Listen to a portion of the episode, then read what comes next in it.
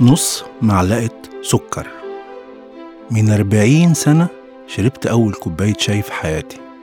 بعد أول بق كده ما عجبنيش. قررت أعمل زي الكبار وأقول لمرات عمي ممكن نص معلقة سكر؟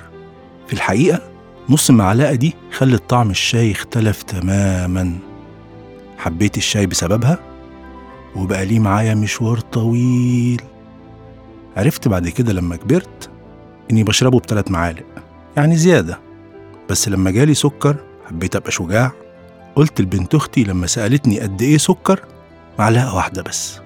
كنت بحاول أقلل لكن بعد ما دقت كوباية الشاي رجعت طلبت نص معلقة سكر. كان فات على الطلب الأولاني حوالي 35 سنة لكن فضلت نص معلقة السكر مصلحاني على طعم الشاي زي ما سلم بيتنا وعربيتي ودولابي. ولابتوبي وجزمتي ودبلتي وحتى حيطان شقتي صلحتني وخصمتني كتير. هنا في البودكاست ده هحكي لكم حكايات الجماد. أيوة الجماد الحي اللي ليه روح كانت حاضرة معايا في كل نفس نص معلقة سكر على كل حياتنا.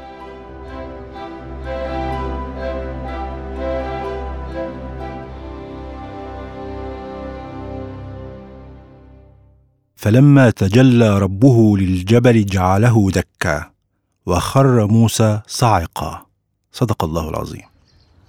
حضرتك متخيل ربنا تجلى للجبل والجبل ما تحملش رؤيته تبارك وتعالى وتقول لي الجماد ما عندوش روح؟ لا حضرتك غلطان. الجبل حس وقدر وانهار قدام قدرة الرب. كل كائن سميناه جماد بيقدر وبيحس وبيشوف. يمكن النهارده مش هحكي قصة دمها خفيف زي الحلقة اللي فاتت والعربية اللاده لكن هحكي لكم عن سلم بيتنا. سلم بيتنا أكتر مخلوق. آه اسمح لي أقول لك إنه مخلوق لأن الجماد مخلوق وبيحس. سلم بيتنا أكتر مخلوق حس بيا في حياتي. خاصة في الليالي الحزينة اللي ببقى راجع فيها مهزوم أو مكسور من امتحان من فشل من قصة حب خذلتني من حتى صديق باعني. خطواتي أتقل من وزني. بجرجر رجلي حقيقي عشان أطلع السلم. كان بيفهمني. كان بيحس بالتقل ده جدا. كنت ببقى عارف إنه فاهمني. كانت لحظة حطت رجلي عليه كأنه بيحضني ويطبطب. على العكس تماما بقى لما كنت أبقى راجع فرحان. يا دوب رجليا بتلمس الأرض لمس. كنت بنط وأطلع تلات أربع درجات سلم سوا. مزقطط. كان بيبقى حاسس. وساعتها كأن اللمسة رقصة صنبة لطيفة جدا. وساعات لما دموعي تنفجر ورجليا تخذلني وخاف أدخل البيت أمي تشوفني في الوضع ده كنت بقعد عليه. أحكي له كل اللي جوايا لحد ما تنشف دموعي وأقدر أدخل البيت.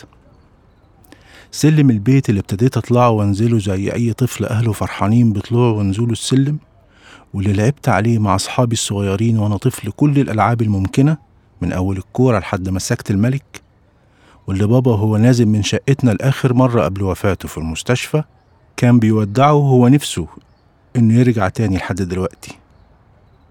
آه صحيح نسيت أحكي لكم إن السلم دهنوه دهان جديد وإن أنا كمان ما بقتش ساكن نفس الشقة لكن ساكنها ولادي وهم حتة من روحي. سلم بيت أبويا وأمي لسه عارفني رغم البعد. لسه قادر يميز مودي كويس جدا. لا كمان بقى قادر يطمني على الولاد وأنا رايح لهم.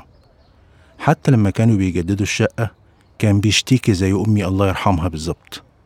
أمي اللي عاشت بعد وفاة والدي 17 سنة كانت بتعتبر أي تجديد في الشقة خيانة لذكرى أبويا. السلم كان زيها بالظبط بيعتبر التجديد خيانة مع إنه هو شخصيا اتجدد مرات ومرات. سلم بيت أمي والحقيقة البيوت بتنسب للأمهات مش للآباء لأنهن البيوت. هو المكان المفضل ليا وقت الحزن والبكا والصديق الأوفى اللي عمري أبدا ما هقدر أعوضه.